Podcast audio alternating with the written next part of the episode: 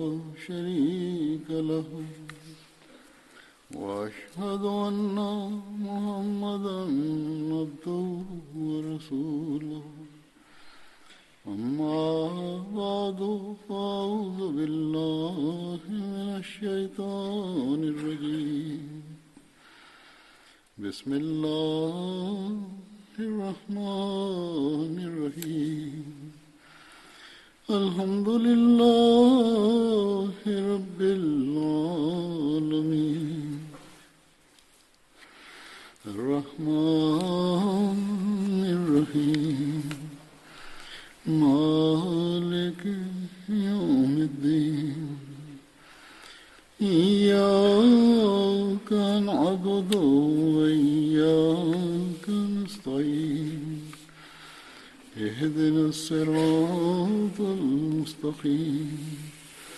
صراط الذين أنعمت عليهم غير المغضوب عليهم ولا الضالين.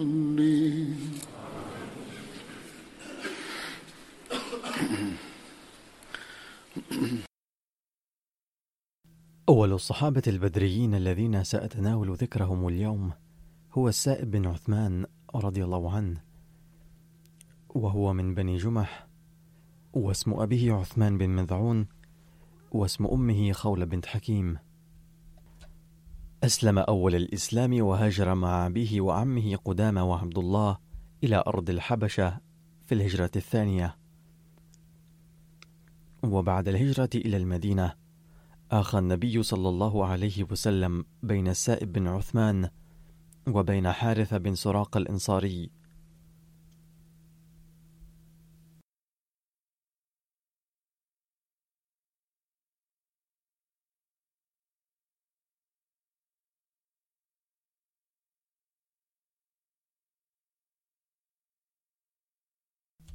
ويذكر في الصحابة الرماة وشهد مع النبي صلى الله عليه وسلم بدرا وأحدا والخندق وباقي المشاهد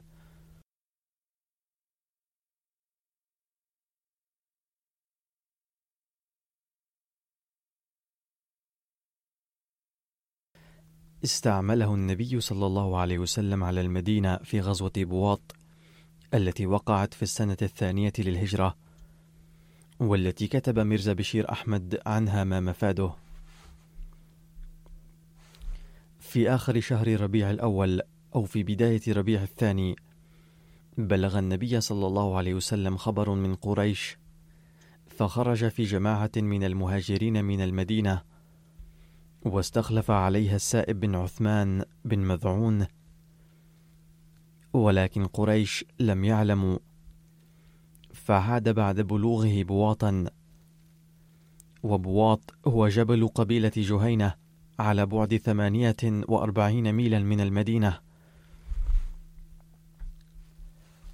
شهد السائب بن عثمان معركة اليمامة التي وقعت في الثانية عشر للهجرة في عهد أبي بكر رضي الله عنه وأصيب فيها بسهم أدى إلى استشهاده وعمره يومها بضع وثلاثون سنة.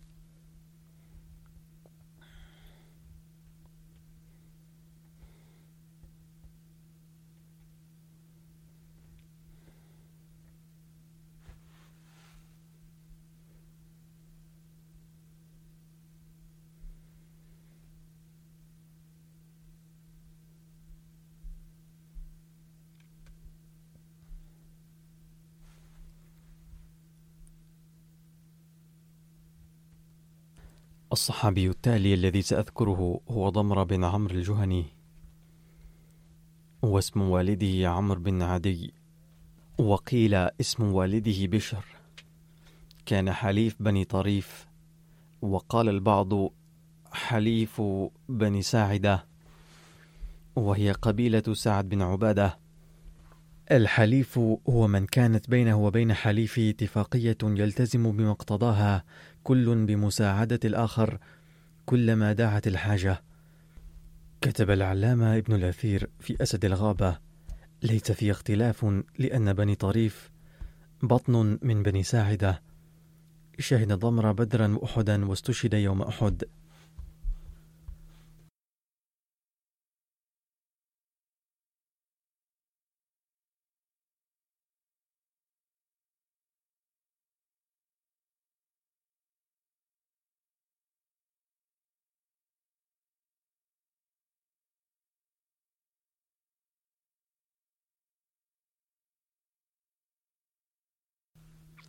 ثم الصحابي سعد بن سهيل كان من الأنصار وقيل اسمه سعيد بن سهيل. شهد بدرا وأحدا وكانت له بنت تسمى هزيلة. لا يوجد له ذكر إلا هذا.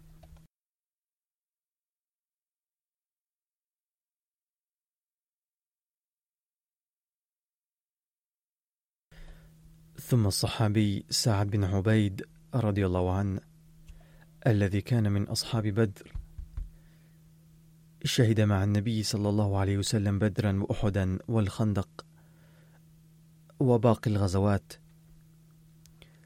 قيل اسمه سعيد وكان معروفا بلقب القارئ وكنيته أبو زيد وهو من الأصحاب الأربعة الذين جمعوا القرآن من الأنصار في زمن الرسول صلى الله عليه وسلم وابنه عمير بن سعد كان أميرا على بعض مناطق الشام وفي رواية أن سعد بن عبيد رضي الله عنه كان إماما في مسجد قباء في عهد الرسول صلى الله عليه وسلم وفي عهد أبي بكر وعمر رضي الله عنهما أيضا.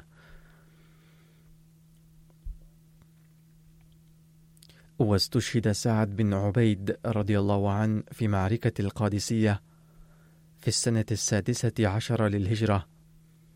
وكان عمره يومها أربع وستين عاما وروى عبد الرحمن بن أبي ليلى أن المسلمين انهزموا في معركة الجسر التي وقعت في العام الثالث عشر للهجرة. وشهدها سعد بن عبيد. فقال له عمر بن الخطاب رضي الله عنه هل لك في الشام؟ لعل الله أن يمن عليك بالشهادة. فإن المسلمين قد نزفوا به وإن العدو قد ذئروا عليهم. ولعلك تغسل عنك الهنيهة. هذا ما قاله عمر رضي الله عنه لسعد بن عبيد لأن في موقعة الجسر لقي المسلمون خسائر فادحة. فقال عمر رضي الله عنه إن كنت تريد أن تغسل عنك الهنيهة فعليك بالشام التي يجري فيها القتال. فقال سعد لا إلا الأرض التي فررت منها أي لن أذهب إلى مكان آخر بل سأذهب إلى الأرض التي عدت منها خاسرا. والعدو الذين صنعوا بي ما صنعوا يعني انتصروا عليه. قال فجاء إلى القادسية واستشهد فيها أثناء القتال. قال عبد الرحمن بن عبيد أبو ليلى حين جاء سعد بن عبيد إلى القادسية خطبهم فقال إنا لاقوا العدو وإنا مستشهدون فلا تغسلوا عنا دما ولا نكفن إلا في ثوب كان علينا. كنت قد بينت بعض تفاصيل موقعة الجسر في إحدى خطبي السابقة وأذكر بعض التفصيل الآن. كما قلت وقعت معركة الجسر في الثالث عشر الهجرية على ضفة نهر الفرات بين المسلمين والفرس. كان قائد جيش المسلمين أبا عبيد الثقفي وقائد جيش الفرس بهما جاذويه. وكان عدد جنود المسلمين عشرة آلاف. بينما كان جيش الفرس مؤلفا من ثلاثين ألف جندي وثلاثمائة فيل. كان بين الجيشين نهر الفرات الذي منعهما من الالتحام لفترة. ثم تم بناء الجسر على الفرات باتفاق الفريقين. وبسبب هذا الجسر سميت هذه المعركة بمعركة الجسر.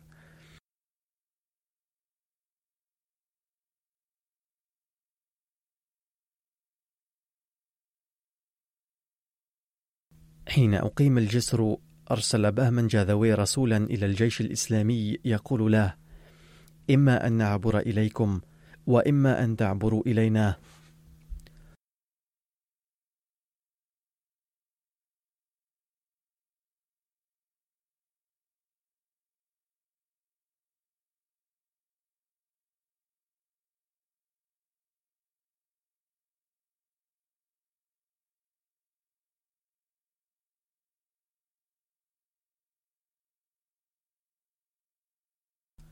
رأى أبو عبيد أن يعبر جيش المسلمين النهر ويقاتل العدو مع أن رأي صليط رضي الله عنه أحد القادة المسلمين كان مختلفا ولكن أبو عبيد عبر نهر الفرات وشن الهجوم على جيش الفرس.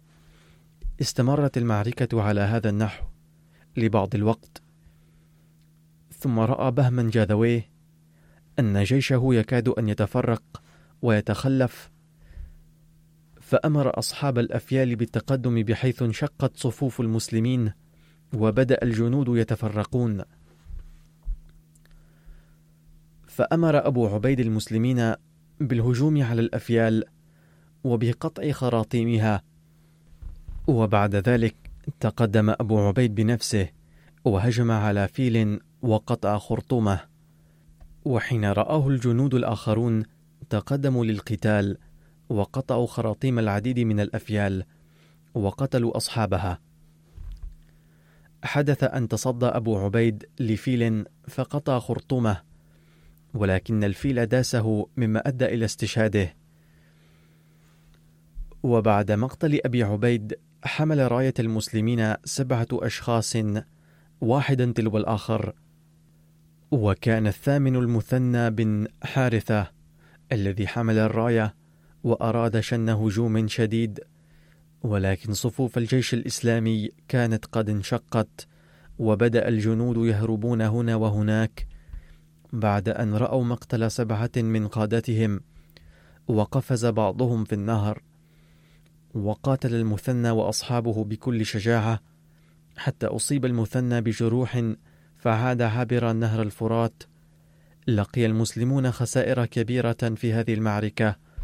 واستشهد أربعة آلاف جندي من المسلمين وستة آلاف من الفرس.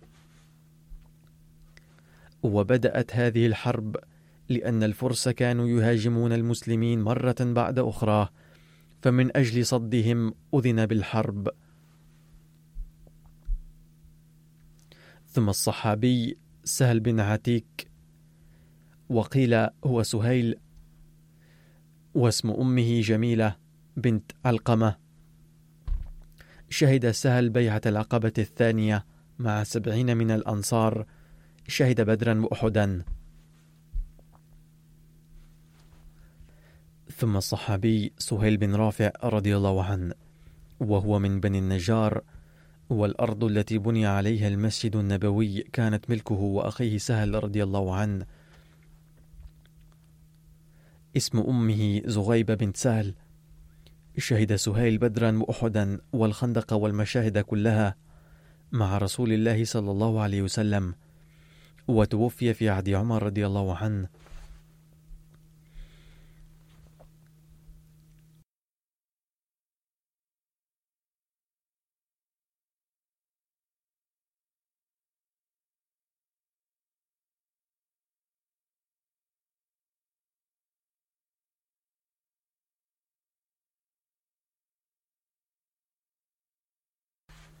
قال المصلح الموعود رضي الله عنه وهو يذكر هجرة الرسول صلى الله عليه وسلم إلى المدينة. عندما دخل الرسول صلى الله عليه وسلم المدينة تلهف الجميع لنيل شرف استضافته.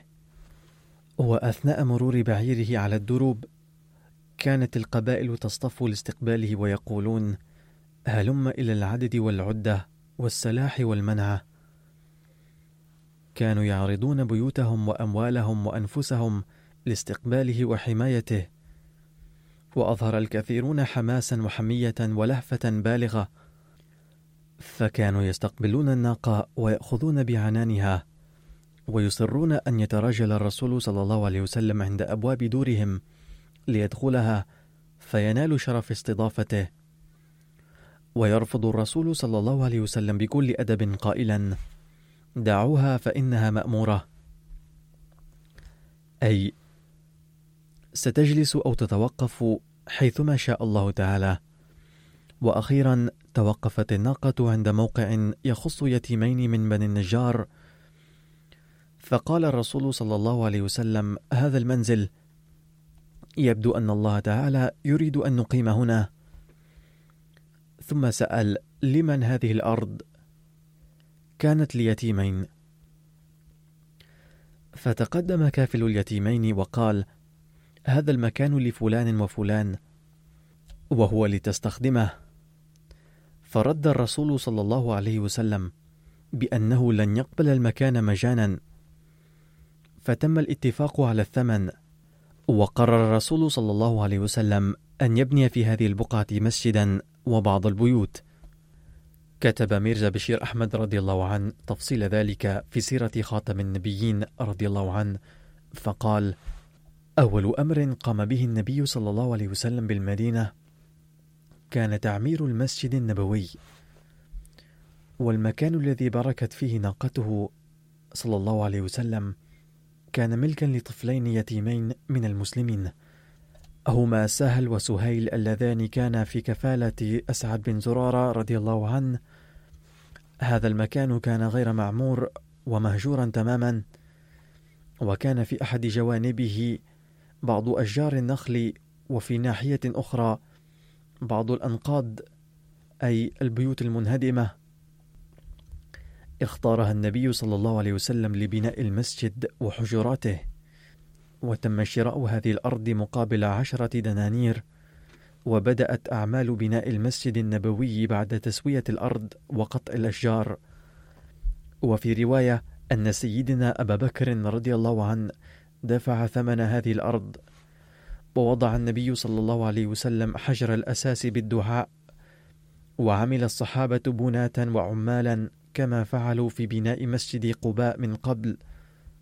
أحيانا كان النبي صلى الله عليه وسلم أيضا يشاركهم بنفسه النفيسة.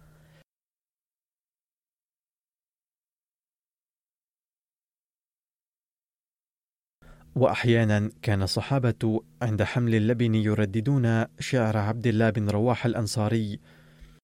هذا الحمال لا حمال خيبر هذا أبر ربنا وأطهر.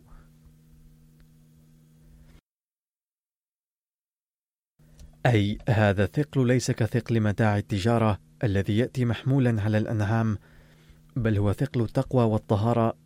يا ربنا ونحمله ابتغاء مرضاتك وأحيانا كانوا أثناء العمل يرددون شعر عبد الله بن رواحة اللهم لا عيش إلا عيش الآخرة فاغفر للأنصار والمهاجرة. وأحيانا كان النبي صلى الله عليه وسلم أيضا يردد هذه الأبيات معهم وبذلك بعد بذل جهود شاقة لمدة طويلة اكتمل بناء المسجد النبوي. كان بناء المسجد من الأحجار واللبن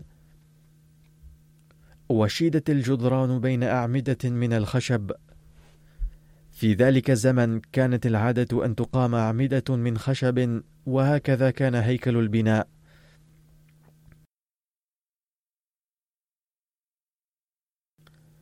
وبينما تبنى الجدران من اللبن والطين وبني السقف من جذوع النخل وجريده.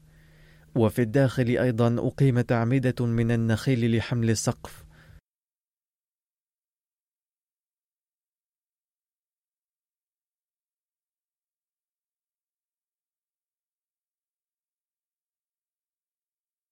وكان النبي صلى الله عليه وسلم يقف مستندا على أحد هذه الجذوع عند إلقاء الخطبة حتى اقترح وضع المنبر. وكانت أرضية المسجد غير مبلطة وبما أن المسجد كان يقطر من سقفه الماء عند المطر الغزير فتوحل أرضية المسجد. لذا بلطت الأرضية بالحصى لإزالة هذه المشكلة.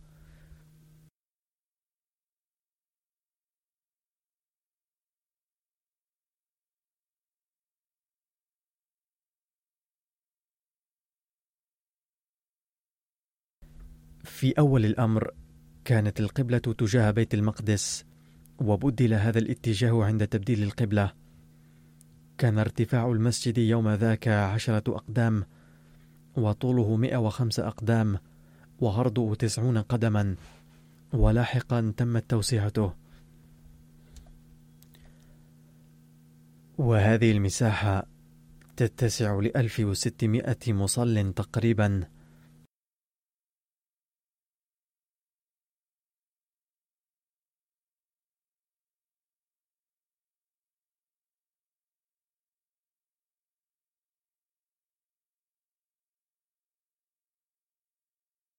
في إحدى زوايا المسجد بنيت مصطبة مسقفة سميت بالصفة. وكان يجلس عليها الصحابة الفقراء الذين لم يكن لهم بيت. وكانوا يسمون أصحاب الصفة. وكان شغلهم الشاغل ليل نهار العيش بصحبة النبي صلى الله عليه وسلم والعبادة وتلاوة القرآن الكريم. لم يكن لهم دخل ثابت. وكان النبي صلى الله عليه وسلم يعتني بهم. وكلما وصلته أي هدية أو حضر شيئا في البيت خصص لهم نصيبا منه. وكان يهيئ لهم الأكل والشرب عادة. وأحيانا كان يتحمل الجوع ويرسل إليهم ما توفر في بيته. وكان الأنصار أيضا يضيفونهم قدر المستطاع. ويأتون بقنوان التمر ويعلقونها في المسجد من أجلهم. ومع ذلك كانت حالهم ضيقة وأحيانا كانوا يقاسون الجوع. واستمر هذا الوضع لسنين. ثم توسعت المدينة وتيسرت لهم قليلا فرص عمل من ناحية. ومن ناحية أخرى حصلت لهم المساعدة من بيت المال. بني بيت للنبي صلى الله عليه وسلم بجانب المسجد وكان عبارة عن حجرة صغيرة بمساحة عشرة أو خمسة عشر قدما مربعا. وكان له باب إلى المسجد ومنه كان يأتي إلى المسجد. وعندما قام بزيجات أخرى بنيت حجرات إضافية بجانبها. كما بنيت للصحابة أيضا بيوت حول المسجد. فهذا هو المسجد النبوي الذي بني في المدينة. وفي ذلك الزمن حيث لم يكن ثمة بناية عامة لإنجاز المهام الوطنية لذا كان المسجد يستخدم كإيوان الحكومة ونفس المسجد يستخدم كمكتب أيضا. وكان سكرتارية الحكومة كلها وفيه كان يقام مجلس النبي صلى الله عليه وسلم وفيه يحدث التشاور ويبت في القضايا المختلفة ومنه كانت تصدر الأوامر وكان يستخدم كدار الضيافة الوطنية وكانت تنجز فيه كل مهمة قومية. وعند الضرورة كان يستخدم لحبس أسرى الحرب أيضا وكان كثير منهم يسلمون إثر مشاهدتهم عبادة المسلمين وتحبهم وتوأدهم.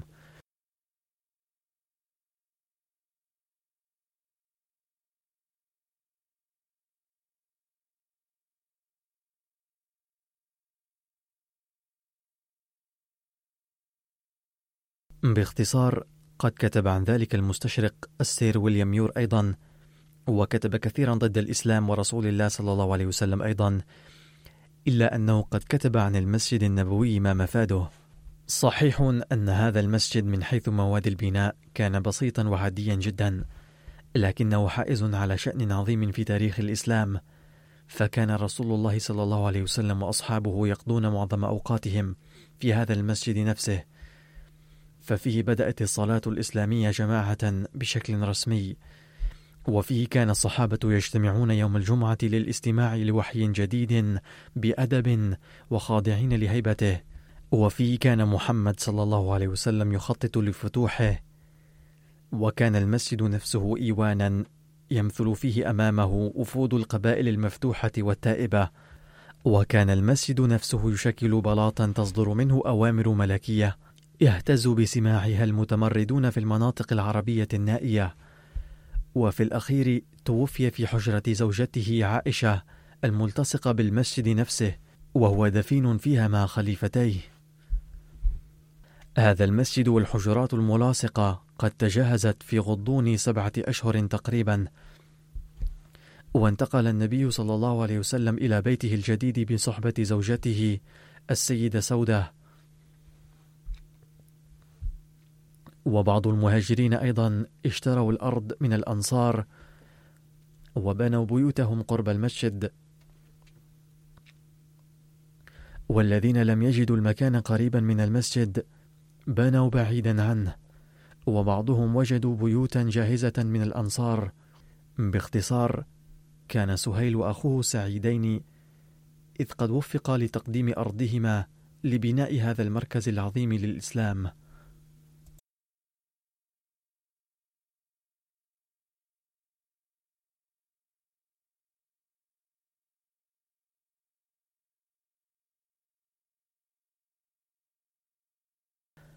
الصحابي الذي أريد ذكره الآن هو سعد بن خيثمة وكان من قبيلة الأوس وكان اسم والدته هند بنت أوس. كان حضرة بن ضياح النعمان بن ثابت وهو الآخر من البدريين أخوه من الأم. كان يكنى أبا خيثمة وأبا عبد الله أيضا. لقد أخى النبي صلى الله عليه وسلم بين سعد بن خيثمة وأبي سلمة بن عبد الأسد. كان حضرته من النقباء الاثني عشر الذين عينهم النبي صلى الله عليه وسلم في بيعة العقبة الثانية. أما لماذا عين اثنا عشر نقيبا وما هي أسماؤهم وأعمالهم؟ فقد كتب عن ذلك حضرة ميرزا بشير أحمد في كتابه سيرة خاتم النبيين فقال في ذي الحجة من العام الثالث عشر من النبوة جاء إلى مكة مئات من الأوس والخزرج وكان من بينهم سبعون رجلا إما قد أسلموا أو كانوا يريدون أن يسلموا وجاءوا إلى مكة قصد زيارة النبي صلى الله عليه وسلم وكان مصعب بن عمير أيضا معهم. كانت أمه ما زالت على قيد الحياة وكانت تحبه رغم كونها مشركة. وحين علمت بمجيئه أرسلت إليه رسالة ليزورها أولا ثم يخرج إلى أي عمل آخر. فرد عليها قائلا إني لم ألقى النبي صلى الله عليه وسلم إلى الآن وبعد زيارته سآتي إليك. ثم جاء إلى النبي صلى الله عليه وسلم وبعد لقائه وإطلاعه على أمور هامة توجه إلى أمه فكانت غاضبة جدا. فلما رأته بكت واشتكت فقال لها مصعب يا أمي أقول لك أمرا حسنا هو مفيد لك كثيرا وينحسم به النزاع كله. فقالت ما هو؟ فقال لها إنما هو أن تترك الوثنية وتسلمي فآمني بالنبي صلى الله عليه وسلم. لكنها كانت مشركة عنيدة فراحت تصرخ وتصيح فورا. وقالت أقسم بالنجوم أني لن أقبل دينك ابدا. ثم أشارت إلى أقاربها لكي يمسكوا بمصعب ويعتقلوه لكنه هرب. باختصار كان النبي صلى الله عليه وسلم قد عرف من مصعب بمجيء الأنصار وكان بعضهم قد لقوه على انفراد سلفا. ولكن كانت هذه المناسبة تقتضي أن يكون معهم لقاء جماعي أيضا. لذا بعد مناسك الحج حدد منتصف ذي القعدة للقاء حضرته عند منتصف الليل في العقبة التي لاقوه فيها في السنة الماضية لكي يتكلم معهم باطمئنان وتركيز على الانفراد. وأكد حضرته على الأنصار ألا يأتوا مجتمعين بل يجب أن يأتوا فرادى لئلا ينتبه إليهم العدو. وليصلوا في الموعد المحدد وينبغي أن لا يوقظوا النائم منهم ولا ينتظروا الغائب منهم. فلما جاء اليوم المحدد خرج النبي صلى الله عليه وسلم من بيته وحده. بعد مضي ثلث الليل واصطحب في الطريق عمه العباس. وكان لم يسلم بعد بل كان مشركا لكنه يحب النبي صلى الله عليه وسلم. وكان سيد بني هاشم. فوصل برفقته إلى العقبة وبعد قليل تتبع وصول الأنصار مثنى وفرادى وكانوا سبعين شخصا من الأوس والخزرج. وبدأ عباس الحديث وقال موجها الخطاب إلى الأنصار يا معشر الخزرج إن محمدا صلى الله عليه وسلم منا حيث قد علمتم في عز ومنعه وإن قبيلته قد حفظته إلى اليوم وتصدت لكل خطر من أجله. لكنه الآن قد قرر الانتقال إليكم تاركا وطنه. فإذا كنتم ترغبون في الذهاب به فلا بد لكم من حفظه ومنعه من كل خطر ولا بد لكم من التصدي لكل عدو. فإذا كنتم مستعدين لذلك فجيد. وإلا قولوا الآن بجلاء لأن القول السديد هو أحسن.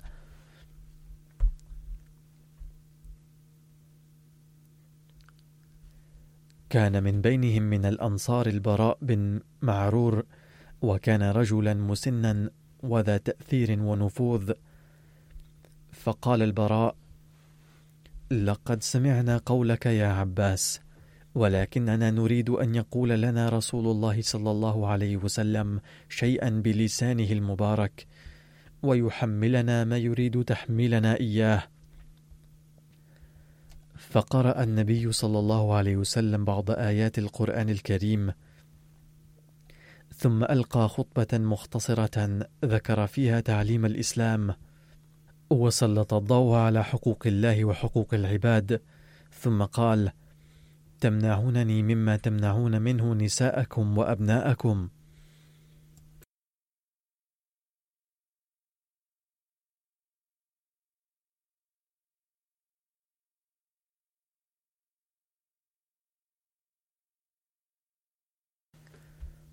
فلما أنهى النبي صلى الله عليه وسلم كلمته أخذ البراء بن معرور بيد النبي صلى الله عليه وسلم كعادة العرب وقال والذي بعثك بالحق لنمنعنك مما نمنع منه ذرارينا فبايعنا يا رسول الله فنحن والله أهل الحرب ونشأنا تحت ظلال السيوف. فبينما كان البراء يتكلم إذ اعترض الكلام أبو الهيثم بن التيهان الذي كان جالسا بينهم وكان قد أسلم في ذلك الوقت فقال يا رسول الله إن بيننا وبين اليهود في المدينة حبالا وإنا قاطعوها. فهل عسيت إن أظهرك الله أن ترجع إلى قومك وتدعنا فنبقى دون مؤيد ومساعد. بل الدم الدم الهدم الهدم أنتم مني وأنا منكم أسالم من سالمتم وأحارب من حاربتم. قال العباس بن عبادة الأنصاري يا معشر الخزرج هل تدرون على ما تبايعون هذا الرجل؟ إنكم تبايعونه على حرب الأحمر والأسود من الناس. أي لابد أن تستعدوا لمواجهة من يعادي النبي صلى الله عليه وسلم. ولتقديم أية تضحية في هذا السبيل. قالوا عرفنا ذلك. ثم قالوا فما لنا بذلك يا رسول الله إن وفينا. قال جنة الله التي هي أكبر إنعام من إنعامات الله تعالى. قالوا قبلنا ابسط يدك. فبسط يده فبايع هؤلاء السبعون على هذا العهد وكأنهم باعوا أنفسهم للنبي صلى الله عليه وسلم. هذه البيعة كانت تسمى ببيعة العقبة الثانية.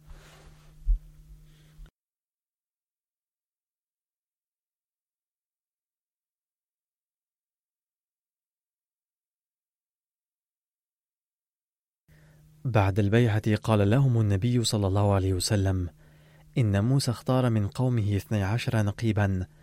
كانوا محافظين ومشرفين منه على قومه. وأنا أيضا أريد أن أختار منكم اثني عشر نقيبا. يكونون حواري ومسؤولين أمامي عن قومهم فأخرجوا لي من ترونه مناسبا لهذه المهام. فاقترحوا عليه اثني عشر اسما. فعين النبي صلى الله عليه وسلم نقيبا لكل قبيلة ولبعض القبائل عين اثنين ثم أفهمهم أعمالهم وواجباتهم وأسماء النقباء الاثني عشر كما يلي. أسعد بن زرارة أسيد بن خضير أبو الهيثم مالك بن التيهان سعد بن عبادة البراء بن معرور عبد الله بن رواحة عبادة بن الصامت سعد بن الربيع رافع بن مالك عبد الله بن عمرو سعد بن خيثمة الذي نحن بصدد ذكره الآن وهو أيضا كان من هؤلاء النقباء والمنذر بن عمرو. وبعد الهجرة نزل النبي صلى الله عليه وسلم دار كلثوم بن الهدم. وفي رواية اتخذ من دار سعد بن خيثمة مقرا له. وقيل أيضا أنه أقام في دار كلثوم بن الهدم إلا أنه كان يخرج منها ويجلس في دار سعد بن خيثمة ويعلم فيها الناس دينهم. بعد بيعة العقبة الأولى بعث النبي صلى الله عليه وسلم مصعب بن عمير لتربية المسلمين في المدينة. وبعد فترة وجيزة استأذنوا النبي صلى الله عليه وسلم لأداء صلاة الجمعة فأذن لهم النبي صلى الله عليه وسلم وأعطاهم تعليمات خاصة بصلاة الجمعة. وأول جمعة صلوها وفق هذه التعليمات كانت في دار سعد بن خيثمة. هذا ما ورد في الطبقات الكبرى. كانت لسعد بن خيثمة بئر في قباء تسمى غرس. وكان النبي صلى الله عليه وسلم يشرب منها. وقال صلى الله عليه وسلم عن هذه البئر هي من عيون الجنة وماؤها أطيب المياه. وبعد وفاة النبي صلى الله عليه وسلم غسل بماء هذه البئر. وعن علي قال رسول الله صلى الله عليه وسلم إذا أنا مت فاغسلوني بسبع قرب من بئر بئر غرس. عن أبي جعفر محمد بن علي أن رسول الله صلى الله عليه وسلم غسل ثلاثا وغسل في قميصه بماء وسدر أي لم يخلع قميص النبي صلى الله عليه وسلم وقد شارك في تغسيله علي وعباس والفضل وفي رواية شارك معهم أسامة بن زيد وشقران وأوس بن خولي رضي الله عنهم. كانت دار سعد بن خيثمة هي أول مقر للمهاجرين إلى المدينة جراء ظلم قريش فكل من كان يصل مهاجرا إلى المدينة يقيم في دار سعد بن خيثمة. وكان حمزة وزيد بن حارثة وأبو كبشة مولى رسول الله صلى الله عليه وسلم وعبد الله بن مسعود وغيرهم ممن أقاموا في دار سعد بن خيثمة عند هجرتهم إلى المدينة.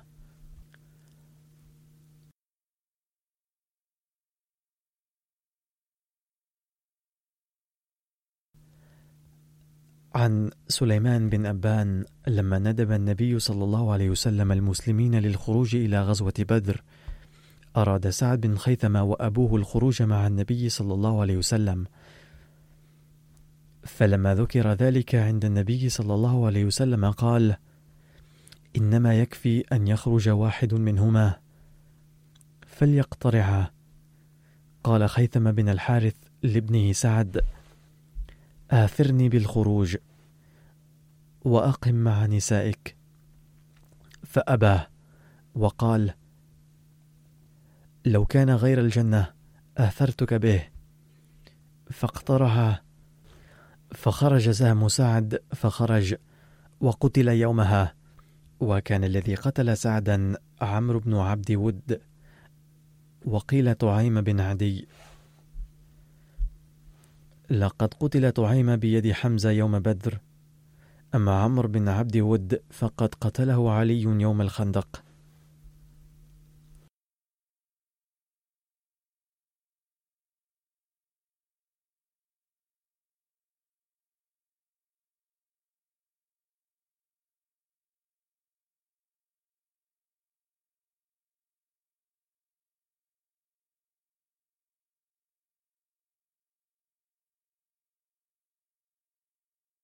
عن علي يقول إني يوم بدر بعدما طلع النهار ونحن والمشركون قد اختلطت صفوفنا وصفوفهم خرجت في أثر رجل منهم فإذا رجل من المشركين على كثيب رمل وسعد بن خيثمة وهما يقتتلان حتى قتل المشرك سعدا والمشرك مقنع في الحديد وكان فارسا فاقتحم عن فرسه فعرفني ولم أعرف.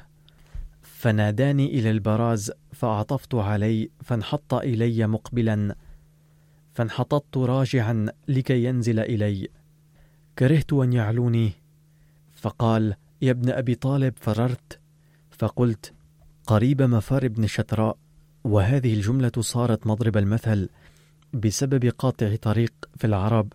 كان يأتي لنهب أموال الناس. فإن واجهه أحد فر غير أن فراره كان مؤقتا لأنه كان يغتنم الفرصة ويأتي فيشن غارته مرة أخرى. فصار مضرب المثل لمن يتقهقر ثم يغير لما تسنح له الفرصة. يقول علي فلما استقرت قدماي وثبت أقبل فلما دنا مني ضربني فاتقيت بالدرقة فضربت على عاتقه وهو دارع فارتعش ولقد قط سيفي درعه. فظننت أن سيفي سيقتله فإذا بريق سيف من ورائي فطأطأت رأسي ووقع السيف فأطن قحف رأسه بالبيضة. فالتفت فإذا هو حمزة عمي وهو يقول خذها وأنا ابن عبد المطلب.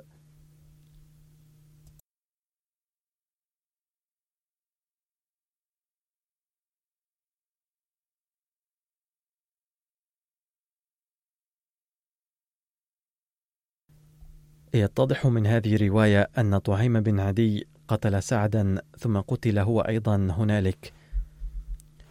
وورد في إحدى الروايات أنه كان مع النبي صلى الله عليه وسلم في بدر فرسان. على إحداهما مصعب بن عمير وعلى الأخرى كان سعد بن خيثمة. وكان زبير بن العوام ومقداد بن الأسود أيضا يتعاقبان عليها. لقد تعددت الروايات التاريخية حول عدد الأفراس لدى المسلمين في بدر. ويرى ميرزا بشير أحمد رضي الله عنه أنه كان معهم فرسان وسبعون جملا. وورد في بعض الروايات ثلاثة أفراس وفي بعضها خمسة.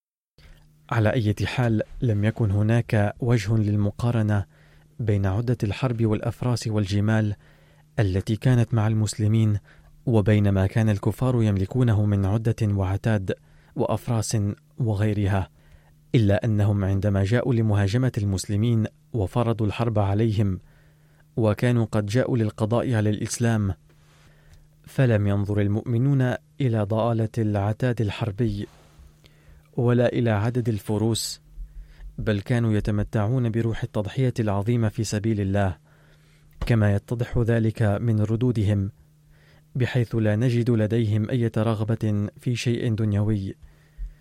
وما كان لديهم إلا شوق التضحية في سبيل الله. ولأجل ذلك قال الابن لأبيه إنني لا أستطيع أن أؤثرك على نفسي في هذا المقام. فكانوا يتحلون بلوعة وشوق عجيب.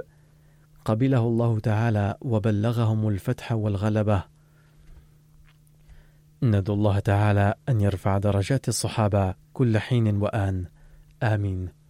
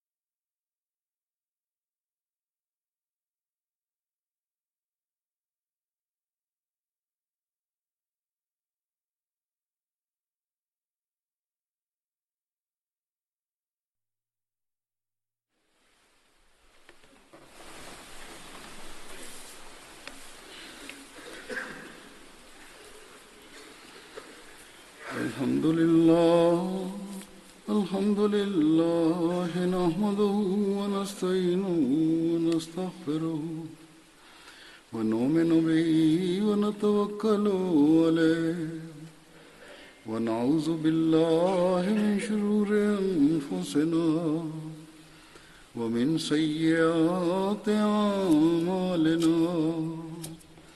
من يهده الله فلا مضل له ومن يضلل فلا هادي له. ونشهد أن لا إله إلا الله. ونشهد أن محمدا عبده ورسوله. عباد الله رحمكم الله. إن الله يأمر بالعدل واللسان وإيتاء ذي القربى وينهى عن الفحشاء والمنكر والبغي يعظكم لعلكم تذكرون. اذكروا الله يذكركم وادعوه يستجب لكم. ولذكر الله أكبر.